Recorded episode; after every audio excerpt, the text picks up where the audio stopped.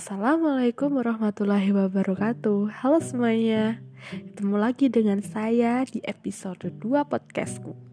Nah di sini saya mau membawakan sebuah monolog drama yang berjudul Raga boleh tua tapi jiwa tetap muda Untuk memenuhi tugas mata kuliah pembelajaran seni tari dan drama yang diampu oleh Ibu Irma Arifah MPD Nah, di drama ini ada enam tokoh. Tokoh yang pertama ini adalah kakek, di mana kakek ini adalah orang yang senang bercanda, kemudian bercerita, kemudian nenek, nenek, serta ada Bu Iya, yaitu tetangga dari kakek dan nenek yang sering datang ke rumah untuk sekedar ngobrol. Kemudian ada Bu, Sa Bu Sarni dan Pak Sarni serta anaknya yang bernama Anggun yang tinggal di luar kota. Nah, yuk kita dengarkan sama-sama monolog drama yang akan aku bacakan. Terima kasih. Raga boleh tua, tapi jiwa tetap muda. Di sebuah desa tinggallah sepasang suami istri yang telah tak muda lagi atau bisa dibilang tua. Mereka ini tinggal berdua sebab anak-anak mereka semuanya pergi ke perantauan. Kakek yang sedang duduk di teras sambil meminum kopi dan bercengkrama dengan nenek. Nenek dan kakek itu selalu hidup dengan bahagia loh dan penuh canda dan tawa.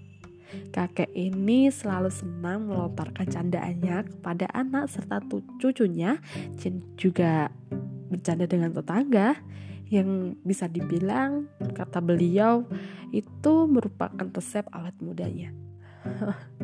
mereka juga sering menceritakan kisah perjuangan mereka bertahan hidup waktu kecil saat merasa uh, di masa penjajahan. Nah, di teras, kakek berkata kepada nenek, "Ma, tolong ambilkan papa kopinya dong." Sambil duduk di kursi. Lalu nenek pun menjawab, "Tak usah panggil saya mama, kita ini sudah tua, sudah kakek nenek. Anak-anak kita juga telah dewasa, bahkan ada yang mempunyai anak. Kita sudah menjadi kakek dan nenek. Tak usah berlagak kau masih muda dasar aki-aki." Sambil memandang ke arah kakek. Ya sudah, kalau demikian, Nenek, ambilkan kakek kopinya dong. Nenek pun menjawab, Memangnya saya terlihat tua, makanya kamu panggil saya nenek. Dengan memasang wajah cemberutnya khas dari nenek-nenek. Selanjutnya, kakek pun bertanya, Loh, gimana? Tadi dipanggil mama tidak mau, giliran dipanggil nenek marah-marah. Lalu nenek berkata, ini kopimu serta singkong rebus yang kau minta dari kemarin. Makan dan habiskan. Sambil meletakkan kopi dan piring isi singkong rebus di meja depan kakek. Lalu, tetangga yang mendengar kegaduhan dari mereka itu pun menimpalinya. Bu Iyah namanya. Beliau tetangga yang sering datang ke rumah kakek dan nenek untuk sekedar datang mengobrol dan bercerita dengan kakek dan nenek di teras. Buya pun berkata, kakek dan nenek ini selalu saja bertengkar seperti muda-mudi yang masih pacaran saja. Lalu kakek menimpali, Mau saya sih begitu, Bu Iya.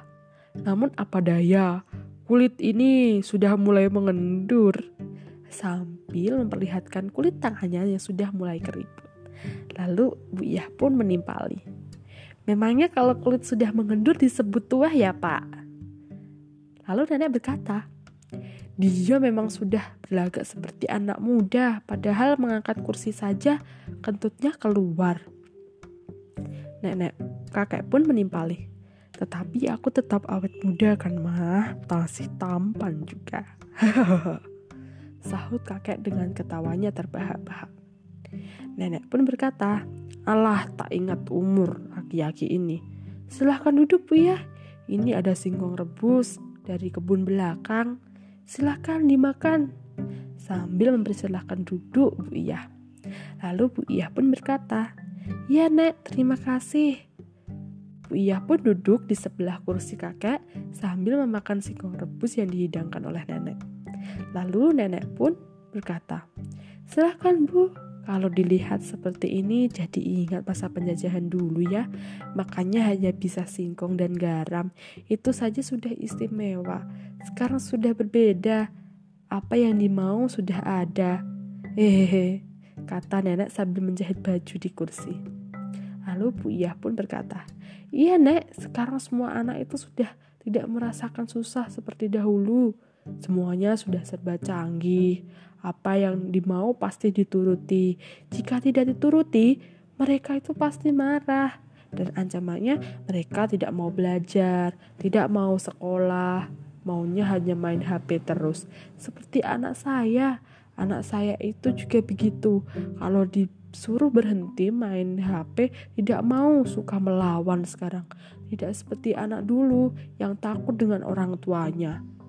Lalu kakek pun berkata, "Betul itu. Sudah, makan saja singkongnya." Dengan suara yang bersemangat. Lalu, tidak lama datanglah seorang tamu dengan menggunakan mobil, yaitu adalah besar nih anak pertama dari suami istri tersebut beserta anaknya yaitu Anggun yang berusia 8 atau 9 tahun dan Pak Sarni dan Bu Sarni mengunjungi orang tua dan kakeknya. Sarni membawakan oleh-oleh dari luar kota untuk kedua orang tuanya serta beberapa tetangga. Lalu kakek berkata, "Wah, lihat, itu siapa yang datang, Nak?" Telah berapa tahun lamanya kamu Sarni tidak mengunjungi ayah dan ibumu ini? Lalu Anggun, anak dari Bu Sarni pun berkata, Kakek ini memang sudah pikun. Baru juga dua bulan yang lalu kami ke sini sudah berkata seperti kami tidak ke sini satu atau dua tahun. Lalu nenek pun berkata, dia memang sudah pikun, kadang sampai lupa kalau sudah makan sampai lima kali. Lalu Pak Sarni pun menimpalinya. Wah, jika begitu nanti bapak badannya agak gemuk dong kayak sumo. Lalu Bu Sarni menjawab, jika badan bapak agak gendutan kayak sumo, nanti ibu kalau disenggol ya langsung melayang dong. Lalu nenek pun menimpali, Hus, kamu itu kamu kira ibu ini tidak mempunyai kekuatan untuk melawan badan sumo bapakmu? Tenaga ibu nih masih seperti anak muda, masih kuat ini. Lalu kakek pun menjawab, Jangankan melawan sumo, dulu kakek dan nenek sudah berjuang melawan penjajah dan hasilnya negara ini juga sudah merdeka. Kamu Anggun juga sekolah dengan enak.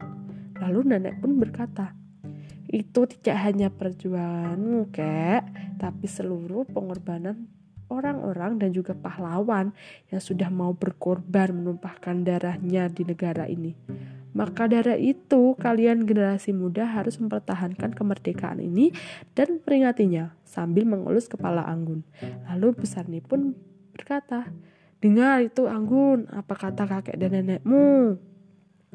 Lalu Anggun pun menjawab, Tentu nek, aku akan mencintai negaraku ini dan akan menghormati jasa para pahlawan. Lalu nenek pun menjawab, Yuh, sudah, sudah.